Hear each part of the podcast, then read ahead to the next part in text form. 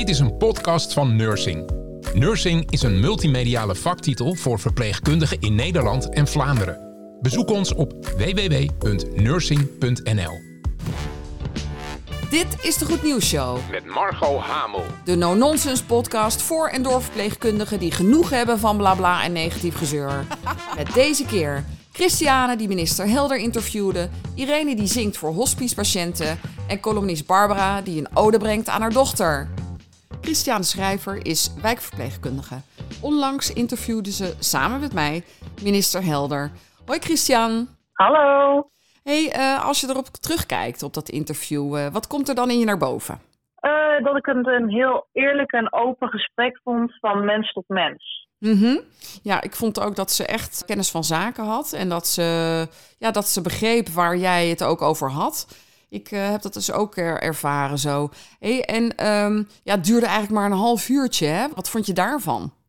Het was krap, maar ik denk dat we, ja, als verpleegkundigen doen we natuurlijk vaak intakes en anamneses. En die moeten ook niet te lang duren. Dus ik denk dat, we, dat ik het uh, op die manier uh, mooi heb weten in te vullen samen met jou. Mm -hmm. En dat we er toch ja, voor een half uur het meeste uit hebben kunnen halen. Maar als we langer hadden gehad, ja, misschien waren we dan nog wel dieper op zaken ingegaan. Ja. Was je nog zenuwachtig?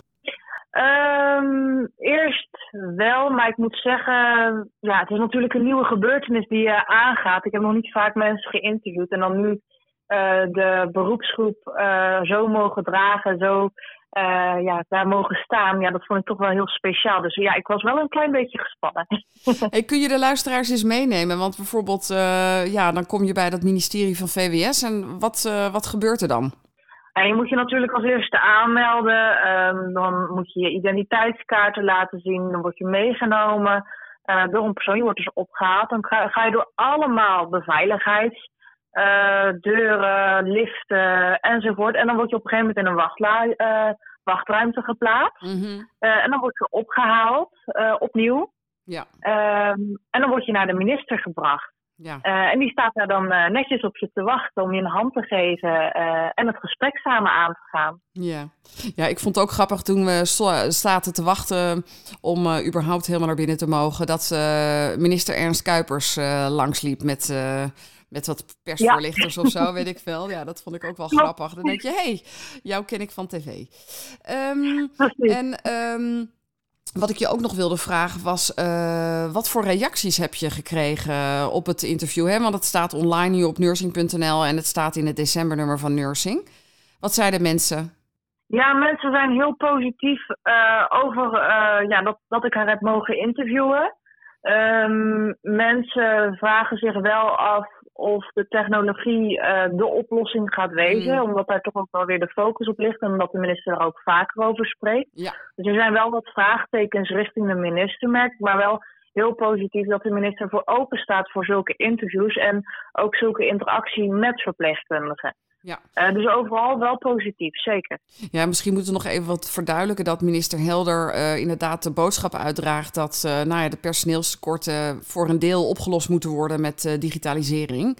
En dat levert ja. inderdaad bij verzorgen en verpleegkundigen nogal eens wat, wat hoon op. Hè? Omdat het, ja, het is natuurlijk toch wel een beetje een mensenvak.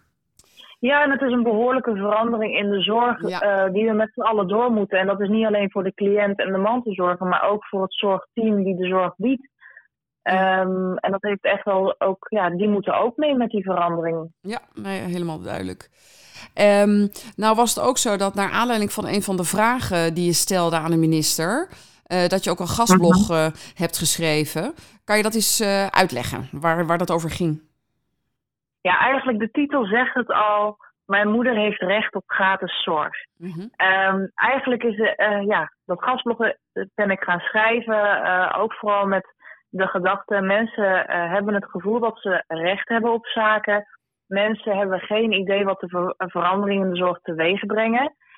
en daardoor zijn de verwachtingen tussen de cliënt en de mantelzorger, dus de cliënt en zijn netwerk, tegenover de verpleegkundigen uh, en de andere collega's die de zorg bieden, uh, ja, die, die liggen niet op één lijn. En dat botst vaak, waardoor agressie normaler wordt en uh, ja, mensen ook gefrustreerd raken en niet weten hoe ze ermee om moeten gaan.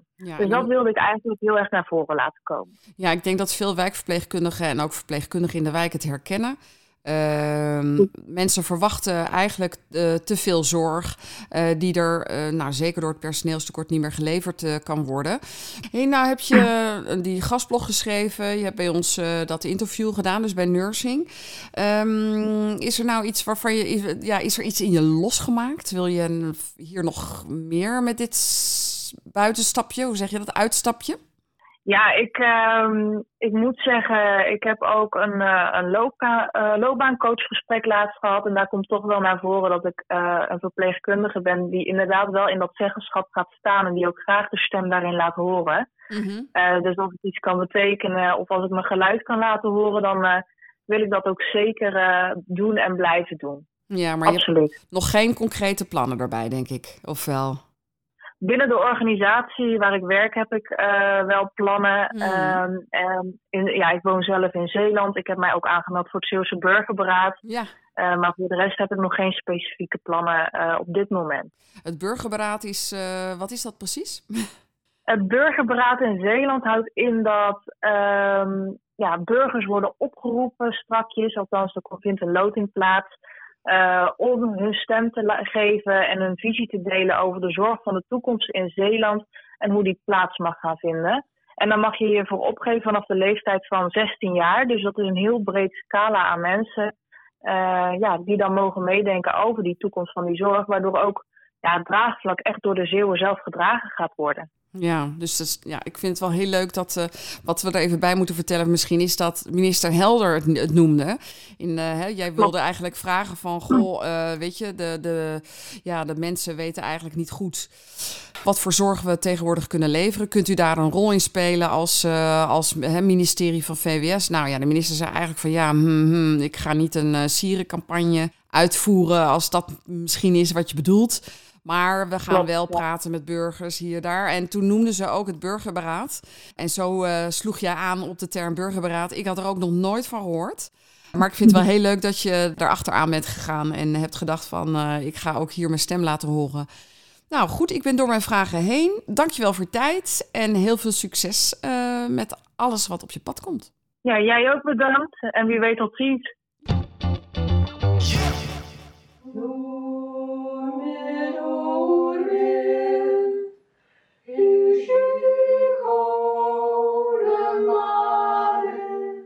Irene Nieboer werkte 41 jaar in de zorg, onder meer als wijkverpleegkundige en privéverpleegkundige.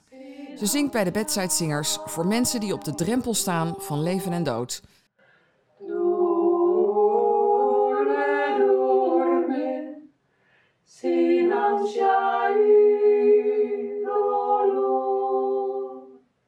Dag Irene.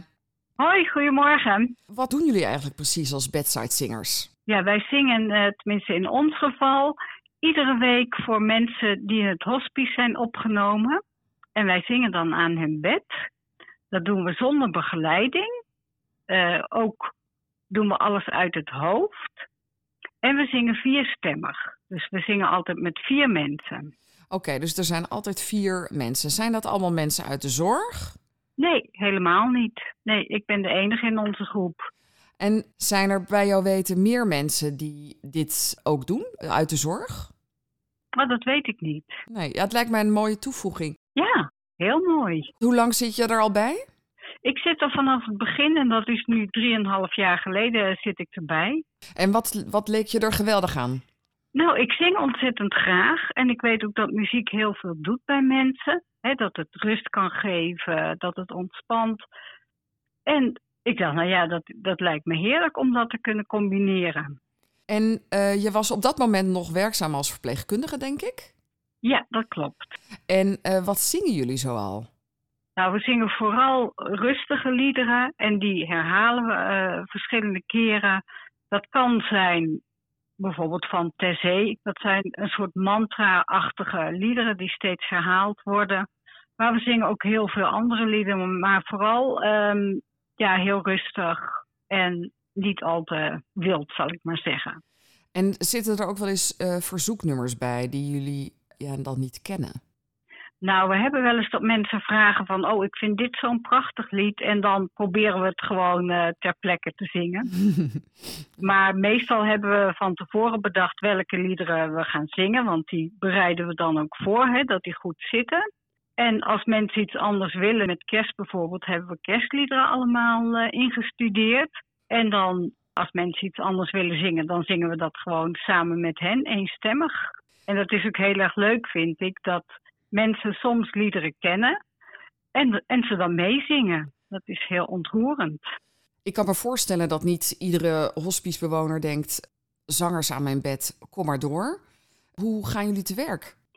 Nou, bij ons gaat er altijd één iemand die de mensen kent, die uh, als vrijwilliger in het hospice werkt, de kamers langs om te vragen van, vindt u het fijn uh, als de bedside voor u komen zingen? En we hebben eigenlijk wel heel regelmatig dat mensen zeggen van, nou ja, dat weet ik niet zo hoor. Oh ja, oké, okay, laat ze maar komen. En dan eigenlijk meestal is het zo dat, dat mensen ontroerd raken of dat ze helemaal ontspannen raken en dat ze het heel fijn vinden. Krijg je dan toch een band met zo iemand? Ja, zeker. Ja. En we zingen in wisselende groepjes, maar als iemand er een aantal maanden is, dan ken je iemand gewoon. En dan weet je, oh, zij vindt dat lied heel erg mooi. Nou, dan gaan we dat nog een keer voor haar zingen. Dus dat is ook wel heel mooi, de, uh, ja, dat we mensen ook leren kennen. En gaan jullie ook wel eens uh, naar een begrafenis? Ja, we hebben twee keer op een uh, uitvaart gezongen van mensen of familie die dat vroeg, die ons dan hadden horen zingen bij hun geliefde. En dat was ook ja, heel mooi om te doen. Dus heel af en toe komt dat voor. Is dat heel erg anders dan wanneer de patiënt nog leeft? Ja, dat is wel heel erg anders. Want dan is het meer een soort optreden in een kerk of in een aula. Dat is, heeft een hele andere gevoel. Ja, dat geeft een heel ander gevoel dan dat je heel intiem aan het bed zingt. Want dat is natuurlijk wel heel erg intiem. Ja, ja, dat lijkt me ook echt het, uh, mooie eraan. Ja, dat is ook heel mooi. En het is ook heel mooi dat mensen ons zeg maar toelaten. Ja. Zo aan het eind van hun leven. En openstaan voor wat wij te bieden hebben. Ja, dat is wat je als verpleegkundige natuurlijk ook uh, hebt. Dat je ook naar het einde toe zo dichtbij mag zijn uh, bij patiënten. Ja, dus daar zit zeker. wel een soort overeenkomst in. Zeker. Nou zing ik zelf in een koor. Ja. En uh, er zijn bepaalde liedjes die mij ontroeren. Ja. Nou kan ik me voorstellen, als je dit mooie werk doet, dat je ook dat je, ja, in het Engels zeg je choke up. Weet je wel dat je, dat je, nou ja, om, dat het op je stem slaat, de ontroering. maak je dat wel eens mee? Ja, uh, bijvoorbeeld gisteren toen zongen we nog voor een mevrouw en uh, zij zong zelf mee en haar dochter was erbij en die moest huilen. En dan moet ik heel goed denken, oké, okay, ik ben nu aan het zingen. Ja. Hè, dus ik moet dan wel mijn eigen ontroering even op een parkeerplaats zetten. Want ik raak absoluut ook ontroerd. Hè, door wat je ziet en de reactie ook van mensen. En, ja. Ja, en dan, dan lukt dat toch om te denken, ja, ik zit hier nu even in een andere positie. Dus dan kan ik gewoon ook doorzingen. En dat hebben we eigenlijk allemaal. Dat soms de ontroering ook komt als we weer op de gang staan. Ja, dus dan, dan komt er een soort ontlading misschien die uitgesteld is. Ja. ja. Ja. We weten natuurlijk dat mensen ontroerd kunnen raken, want muziek dat raakt je gewoon. Ja. En we zingen echt naar iemand toe. En doordat we geen map op onze schoot hebben, ben je er ook echt voor die persoon. En zijn familie, of ook een verpleegkundige, of iemand anders uit het hospice. En dat is ook gewoon heel fijn dat, dat je echt vanuit je hart eigenlijk zingt. Ja, ik vind het echt een ontzettend mooi initiatief. Uh, stel nou hè, dat ik luister, ik ben verpleegkundige en denk van, goh, dit zou ik ook wel willen. Denk jij dat het een toegevoegde waarde heeft, uh, deze vrijwilligersklus als verpleegkundige? Ja, ik denk het zeker. En ik kan me voorstellen dat mensen die luisteren denken van... goh, ja, dat is ook heel mooi. En je kunt dat natuurlijk ook in het heel klein doen. Ik ben uh, privéverpleegkundige geweest. En ik heb daar ook wel gezongen voor mensen gewoon in mijn eentje... die stervende waren of uh, voor heel erg demente mensen. Daar hielp zingen ook vaak heel erg bij. Hè, dat je zocht naar liedjes uit hun uh, verleden... Ja. En dan zongen ze vaak mee. En dat, dat geeft toch rust en een fijn gevoel. Ja. Dus ik vind het ook heel mooi dat wij toegelaten worden door de mensen ja, die toch in de laatste fase van hun leven zitten. En dat we ze een, een, ja, toch een beetje troost of ontspanning of genieten kunnen bezorgen. Ja, dat is toch prachtig. En is het nou zo dat jij daar anders zit omdat jij verpleegkundige bent, denk je? Ja, dat vind ik moeilijk om te zeggen. Mhm. Kijk, zoals we daar zitten, hebben we natuurlijk allemaal ehm, goed nagedacht over de dood. En we zijn met verschillende mensen, uh, ja, ik zelf niet, maar die bijvoorbeeld als zorgvrijwilliger of muziekvrijwilliger in het hospice werken. Ja. Dus die zijn dan weer op een andere manier met de mensen uh, in het hospice verbonden. Mhm. Dus iedereen heeft wel iets waarom die dit graag wil doen. Het specifiek zingen voor mensen in de laatste fase van hun leven. Ja.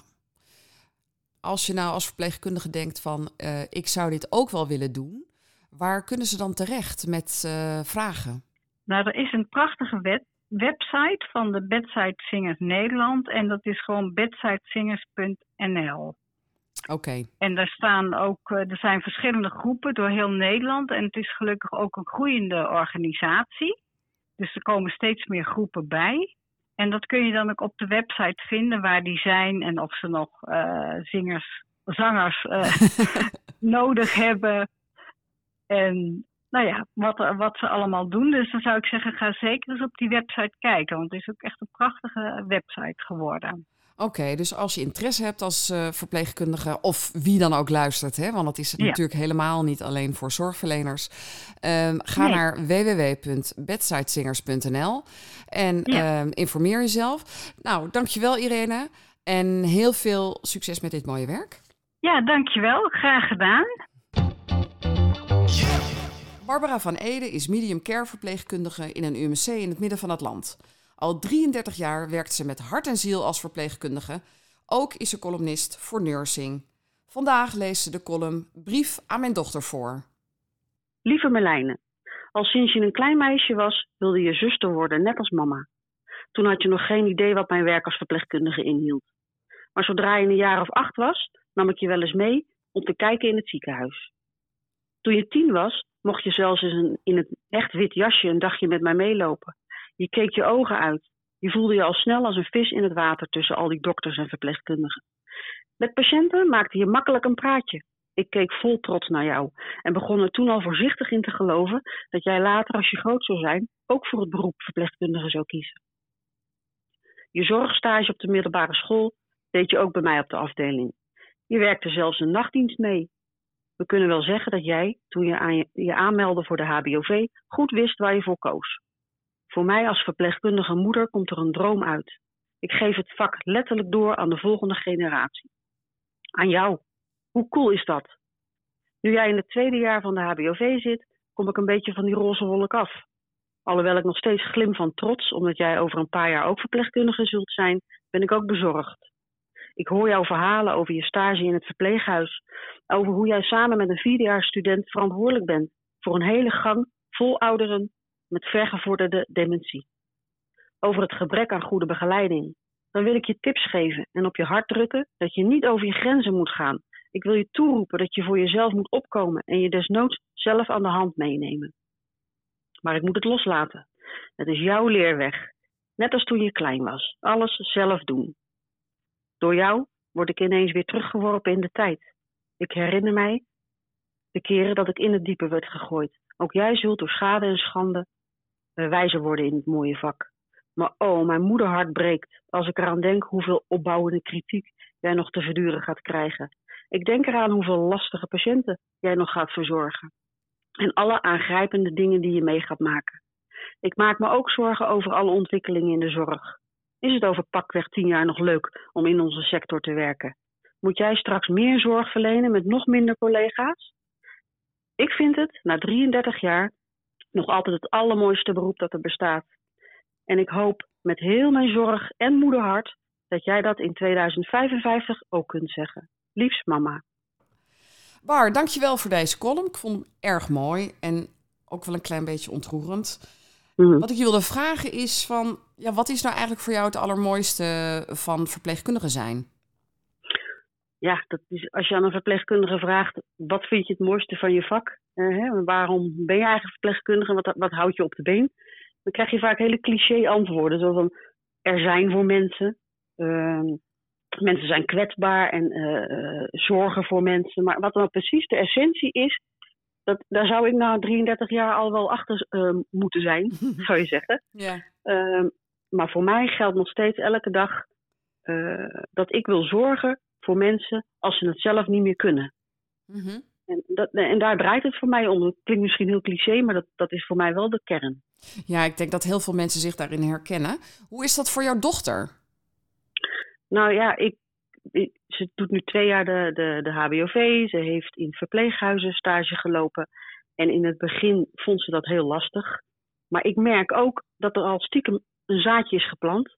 Um, dat zij het ook al heel mooi vindt om dingen van mensen, voor mensen te kunnen betekenen. Mhm. En dat, ja, en blijkbaar werkt dat zo dat het, dat het ook iets met jezelf doet. Hè? Dat je je nuttig voelt. Uh, en dat mensen dankbaar zijn. En uh, nou ja, daar ben ik heel, heel trots op. Zijn er veel verschillen met toen jij zelf leerling was? Um, ik moet eerlijk zeggen dat ik, dat ik uh, niet goed inzicht heb in hoe de HBOV nu is, zeg maar. Nee. Ik ben nog van de oude in-serviceopleiding. En uh, nou ja, ik leerde in het ziekenhuis. En uh, nu doet mijn dochter HBOV en heeft stages van 20 weken. Dat vind ik eigenlijk niet te vergelijken met hoe het vroeger bij mij was. Mhm. Um, als ik mij nu vergelijk met toen ik tweedejaarsleerling was en hoe zij nu uh, het tweede uh, jaar doet, heb ik wel het gevoel dat, dat ik vroeger uh, meer verantwoordelijkheid had Mhm. en moest nemen. Ja. Dat het nu beter begeleid wordt. Oké, dus dat is eigenlijk nu beter dan toen, denk jij? Dat denk ik wel, ja. Ja, ik eh, denk dat de, de zorg voor leerlingen en of studenten heette dat tegenwoordig. Hè. Vroeger waren wij leerlingen, nu zijn het studenten. mhm. Ehm, dat we beter op uh, de, de studenten letten, zeg maar. Uh, dat ze aan alle kanten beter worden begeleid. En dat klinkt heel uh, tegenstrijdig, omdat ik ook in mijn blog schrijf dat ik me zorgen maak omdat ze er wel vaak alleen voor staat. Ja. Um, maar dat is denk ik vergelijkbaar met hoe het vroeger was. Ik, ik was vroeger ook uh, 19 jaar of 20 jaar en stond ik ook helemaal alleen op een zaal met zes zieke mensen. Dat is, uh, ja, en zo leer je toch het beste, denk ik. Ja, oké. En je kan ook niet altijd aan het handje meegenomen worden. En je moet ook dingen zelf uitproberen en uh, zo wijzer worden. Al met al blijft het natuurlijk heel erg mooi als je dochter hetzelfde beroep kiest als jij. Lijkt me ook Zeker. een heel uh, mooi compliment. Dankjewel en tot de volgende maand. Oké, okay, dag. Volgend jaar wordt de inspraak van verpleegkundigen op het zorgbeleid bij wet geregeld. Maar verandert er echt iets ten gunste van verpleegkundigen? Hoogleraar verplegingswetenschap Hester Vermeulen legt het uit. Hoi Hester. Hoi Margot, leuk om je weer te spreken. ja. Hey, wat ik wilde vragen, uh, wat verandert er nou precies voor verpleegkundigen met deze wetzeggenschap? Nou, met deze wet, die, uh, ja, die geeft gewoon een extra setje in de goede richting en uh, waar je ook als verpleegkundige op terug kan vallen. Een wet lijkt soms een ver van je bedshow, maar het is, je kunt het ook echt dichterbij zien. Als je denkt van zeggenschap moet echt ja, ingeregeld worden. En daarmee, dat, ja, dat kun je op verschillende manieren zien van wat is dan zeggenschap. Zeggenschap is dat je echt meedenkt over uh, kwaliteit en veiligheid, maar ook over beleid. Uh, dat je gehoord, uh, dat je ja, gehoord wordt door je bestuurders, door je leidinggevende. En dat je ook je stem dus echt kan laten horen. Maar nou hebben we dus... Oh, sorry dat ik je interrupeer. Maar we hebben natuurlijk al Ja. een chief nursing officer of een ja, verpleegkundige adviesraad. Dus wat, waarom hebben we deze wet dan nodig? Ja, nou, die stappen van een chief nursing officer en van een verpleegkundige adviesraad zijn belangrijke stappen die gezet zijn. Ja. Maar dat zit best, best wel hoog in de boom. Uh, aan menige verpleegkundige weet niet wie de chief nursing officer van zijn of haar zorginstelling of ziekenhuis is. Mhm. Uh, en bij de VAR is dat soms ook. Dan weet je van, ja, er is een VAR, maar wat doet hij eigenlijk? En dit zorgt er echt voor dat het tot in de haarvaten geregeld is. En niet alleen maar hoog in de boom, daar op het plus, maar ook echt op je eigen, in je eigen team en in je eigen afdeling. En dat je zelf ook dus uh, je stem kunt laten horen en mee kunt denken. Bijvoorbeeld, ja, de beste keus voor nieuwe bedden of nieuwe materialen. Of dat je meedenkt over van hoe ziet onze nieuwbouw eruit? Hoe, wat zijn dan handige handelingen om te lopen? Uh, of tenminste routes om te lopen? Of hoe ziet mijn ja, arbouwtechnisch mijn werk er ook uit? Uh, en dat je echt op verschillende manieren bevraagd wordt, maar ook zelf naar voren kunt stappen. En dat gaat ook echt over ja, de dingen die je dagelijks doet. Ja. Um, en dus dat is echt iets anders dan, uh, uh, dan CNO, die meer op strategisch niveau op de grote lijnen zit. En dit is gewoon dichter, dichter bij, bij de patiënt. Um, en ik heb, het zeggenschap is nu het grote adagium, maar hiervoor heb ik dat adagium van leiderschap neergezet. Ja. En dat is ook zo in die vier stappen het klinisch leiderschap dicht bij je patiënt. En dat is voor zeggenschap, kan dat ook. Het professioneel leiderschap, dat is meer op je teamniveau. En dan heb je natuurlijk je organisatie en je systeemniveau. En de CNO en de VAR, die werkt echt wat meer op het organisatieniveau. Maar deze wet regelt dat dit voor iedereen geldt die in de zorg werkt. Dus dat kan ook dicht bij je patiënt of bij je cliënt zijn. En ook dicht bij je team. Dat je gehoord wordt over het beleid. En nog even terug naar de wet. Hè? De inspectie gaat uh, de wet vanaf 1 juli uh, ja, handhaven. Maar ja. hoe gaan ze dat doen volgens jou? Wat, wat houdt dat nou in voor mij als verpleegkundige? Nou, voor jou als verpleegkundige, uh, kijk, de inspectie die, uh, die komt inderdaad langs uh, in, in huizen, gaat daar ook echt actief naar vragen. Vroeger was de inspectie meer van, heb je alle vinkjes? Hè? Heb je, gaat het wel goed met vallen en met dit en met dat? meer op de controle. Nu is er een nieuwe manier van toezicht houden. Dat is meer met elkaar in gesprek gaan. Die gesprekken die voeren ze met, nou, bij wijze van spreken, hè, de CNO waar je het net ook over had maar vaak gaan die ook op werkbezoek. En dan kan je het op die manier merken. Want zij vragen ook echt van, goh, wat doen jullie aan verpleegkundig zeggenschap? Hoe zijn jullie daarmee bezig? Wat, hebben, wat voor plannen? En als ze de vorige keer plannen hebben gepresenteerd, wat is daarvan terechtgekomen? Dus dan zul je merken dat daarnaar gevraagd wordt. En daardoor merk je als verpleegkundige dat het ook echt in gang gezet gaat worden. Ja. Uh, en het kan dus zijn dat je ze tegenkomt. Want ze gaan ook steeds meer echt op werkbezoek en in gesprek met verpleegkundigen zelf. Niet alleen maar met, uh, met mensen in de, nou ja, op de kantoren en in de bovenlaag, zoals dat soms wel genoemd wordt. Ja. Maar juist willen ze echt die dialoog met iedereen. En omdat ze de inspectie ook wil voelen, uh, gebeurt het ook echt. Ja. Uh, en, en, en, en ook van en waar loop je anders tegenaan en wat zouden we anders ook daar nog mee kunnen voor betekenen? Mm, nou, ja, ik uh, ben reuze benieuwd hoe dat uh, zich gaat ontwikkelen. Um, ja. Stel nou hè, dat ik dit hoor als verpleegkundige en um, ja, denk van jeetje Mina, bij mij in de organisatie is er nog heel weinig. Ehm, ja, wat, wat raad je dit soort luisteraars aan? Nou ja, ik raad ze in ieder geval aan om het, uh, als je het zelf niet merkt, om het eens met je collega's daarover te hebben. Je kunt het daarna ook met je leidinggevende erover hebben. Je kunt op zoek gaan van hoe zit het in mijn organisatie. Heel veel organisaties hebben een VAR, maar lang nog niet overal. Mm -hmm. uh, je, kunt met je, je kunt dus contact opnemen met je VAR.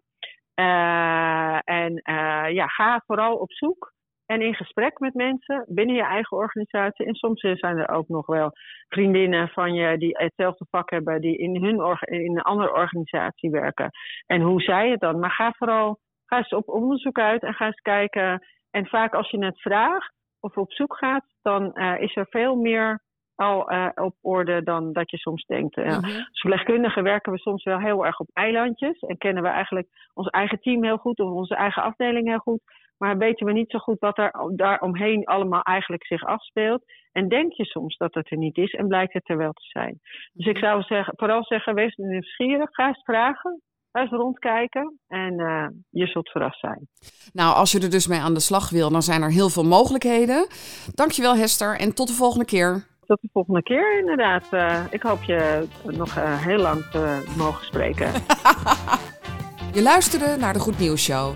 Ga naar nursing.nl voor meer verpleegkundig nieuws en vakinhoud.